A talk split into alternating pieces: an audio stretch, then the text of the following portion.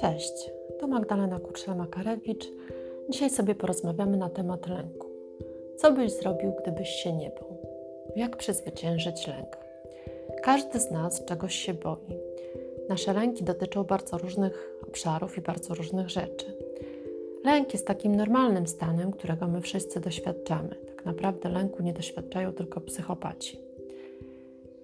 Jednak czasami ten lęk bardzo nas ogranicza i powoduje, że my tkwimy w jakiejś sytuacji, tkwimy w tym lęku i on nas blokuje przed jakimś działaniem. Czujemy, że ten lęk tak nami zawłaszcza, no i nie pozwala nam tak się realizować w życiu, jakbyśmy chcieli, albo doświadczać czegoś, czego byśmy chcieli doświadczyć. Czego my się najczęściej boimy? Najczęściej boimy się tak naprawdę rzeczy, które nigdy się nie wydarzą, Często są to wyłącznie twory naszej wyobraźni. My cierpimy z powodu naszych wyobrażeń, które w ogóle nie istnieją, a są jedynie jakimiś naszymi projekcjami, często tymi najczarniejszymi scenariuszami, które nigdy się nie wydarza. My żyjemy jakąś przeszłością często albo przyszłością. Czyli zobaczcie, my cierpimy z powodu czegoś, co było wczoraj, czyli już minęło, Albo w drugą stronę, obawiamy się, że może coś się zdarzyć jutro.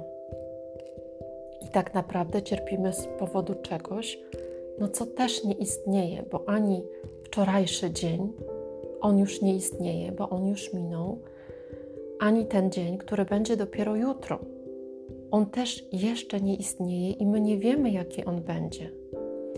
I to, co jeśli masz tak, że, że się tak zamartwiasz, są takie osoby, które się tak ciągle zamartwiają o przyszłość i ciągle sobie tam w głowie takie czarne scenariusze kreują na temat tego, co się może wydarzyć, a co tak naprawdę, jak sobie dobrze weźmiesz pod lupę te rzeczy, które się wydarzyły z tych Twoich czarnych scenariuszy, to się okazuje, że to jest jakiś w ogóle znikomy procent. No to co możesz zrobić, kiedy Ty takich lęków doświadczasz i takich projekcji, takich czarnych scenariuszy. Koncentruj się na tym, co tu i teraz, czyli nie leć w tą przeszłość i nie wybiegaj za mocno w przyszłość, tylko koncentruj się na tym, co tu i teraz. Czego my się jeszcze boimy? Słuchajcie, my się boimy, boimy się popełniać błędy. I to nas bardzo często paraliżuje przed działaniem. My się na przykład boimy podjąć jakieś nowe wyzwanie w pracy, albo zrealizować jakieś nowe zadanie, wziąć odpowiedzialność za jakiś projekt, albo w ogóle zdobyć nową pracę, bo się boimy, że popełnimy błąd. Chociaż na poziomie świadomym, no absolutnie wiemy, że jak coś robimy pierwszy raz, no to musimy te błędy wręcz popełniać, bo my się jako ludzie tak uczymy. My się uczymy popełniając błędy. Zobaczcie, jak się uczy dziecko, tak? No dziecko ileś tam razy musi upaść, żeby nauczyć się chodzić, musi ileś tam razy literkę pisać, liczyć, czytać i tak dalej, żeby się czegoś nauczyć, tak? Często jest też tak, że takie osoby, które są perfekcjonistami, czyli jeśli ty może jesteś taką osobą, która w nieskończoność poprawia raport, który przygotowuje, albo jakąś tam prezentację, albo tam jakieś inne jeszcze rzeczy, czy w pracy, czy w domu, bez przerwy sprawdza, czy wszystko jest na pewno dobrze, czy na pewno tam nie ma takiego jakiegoś błędu, tak? I ciągle masz wątpliwość, że, że być może gdzieś tam jeszcze coś zrobiłeś nie tak. Tak się nie da, słuchajcie. No, jak, jak działamy, tak, y, to, to my musimy te błędy popełniać. Y, I jeśli się tak paraliżujesz tym, tym strachem przed popełnieniem błędu, to zadaj sobie pytanie, y, czy, czy co ty byś zrobił, gdyby porażka była niemożliwa? Czy robiłbyś to samo, co teraz? Bo to jest taki wyznacznik tego, czy, czy ty faktycznie E, działasz tak, że ty się tych porażek tak strasznie boisz, czy jesteś na takim zdrowym poziomie, że rozumiesz, że czasami możesz się w czymś pomylić i my się tak uczymy po prostu. Kolejny bardzo duży strach, który ja bardzo często widzę wśród moich e, klientów coachingowych, ale wśród moich też i przyjaciół, e, i sama miewam takie stany to jest taki lęk, że jest się niewystarczająco dobrym, takim jakim się jest. Bo zobaczcie, e, bardzo często mamy tak, e, że my się boimy być tacy niewystarczająco. Not enough, taki, tacy wiecie. E, I to, to jest taki lęk, który wiele, wiele osób doświadcza. Bo my się boimy, że to, co robimy, jest słabe, beznadziejne, i w dodatku boimy się, że ktoś odkryje to, że my tak naprawdę nic nie umiemy. I to nas tak paraliżuje. Boimy się, że ktoś się zorientuje, że tak naprawdę jesteśmy do niczego, że ktoś nas tak jakby trochę, wiecie, zdemaskuje i odkryje, że tak naprawdę siedzi tam taka mała osóbka, która jest taka niewystarczająca, która nic nie umie i tak dalej. To się nazywa syndrom oszusta i bardzo często doświadczają tego młodzi menadżerowie, często też kobiety, widzę, że tego doświadczają, tak? E, I tutaj taką odtrutką powiedziałabym na to jest takie sobie powiedzenie i znalezienie tych obszarów, w którym jesteś naprawdę dobry, bo takich obszarów my mamy bardzo dużo. W kontekście młodych menadżerów to oczywiście polecam też pracę e, zarówno z coachami, tak, albo jakieś, e, i, jeśli to są e, takie osoby, które faktycznie takiej, potrzebują takiego wsparcia. Czego my jeszcze się boimy? Boimy się też krytyki innych ludzi.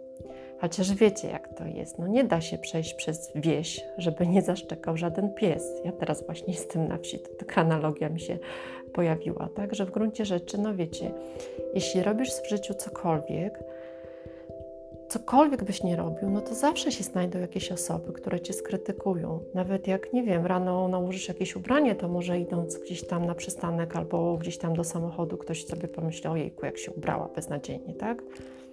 Albo jak się gdziekolwiek wypowiesz, albo cokolwiek zrobisz, no to zawsze ty, ci krytykanci, oni się znajdą, tylko teraz ty musisz sobie zadać pytanie, czy tak naprawdę to jest osoba, o której, e, czy ty pytałeś, tak, o tą krytykę, bo czasami jest taka konstruktywna krytyka i, i w porządku, tak, czasami my pytamy kogoś o opinię, ale jeśli ktoś powiada jakąś opinię, nie, nie, nieproszony, i ta opinia nie jest konstruktywną krytyką, tylko ma działać jakoś destrukcyjnie, no to wtedy nie należy sobie zbyt mocno tych słów brać do siebie.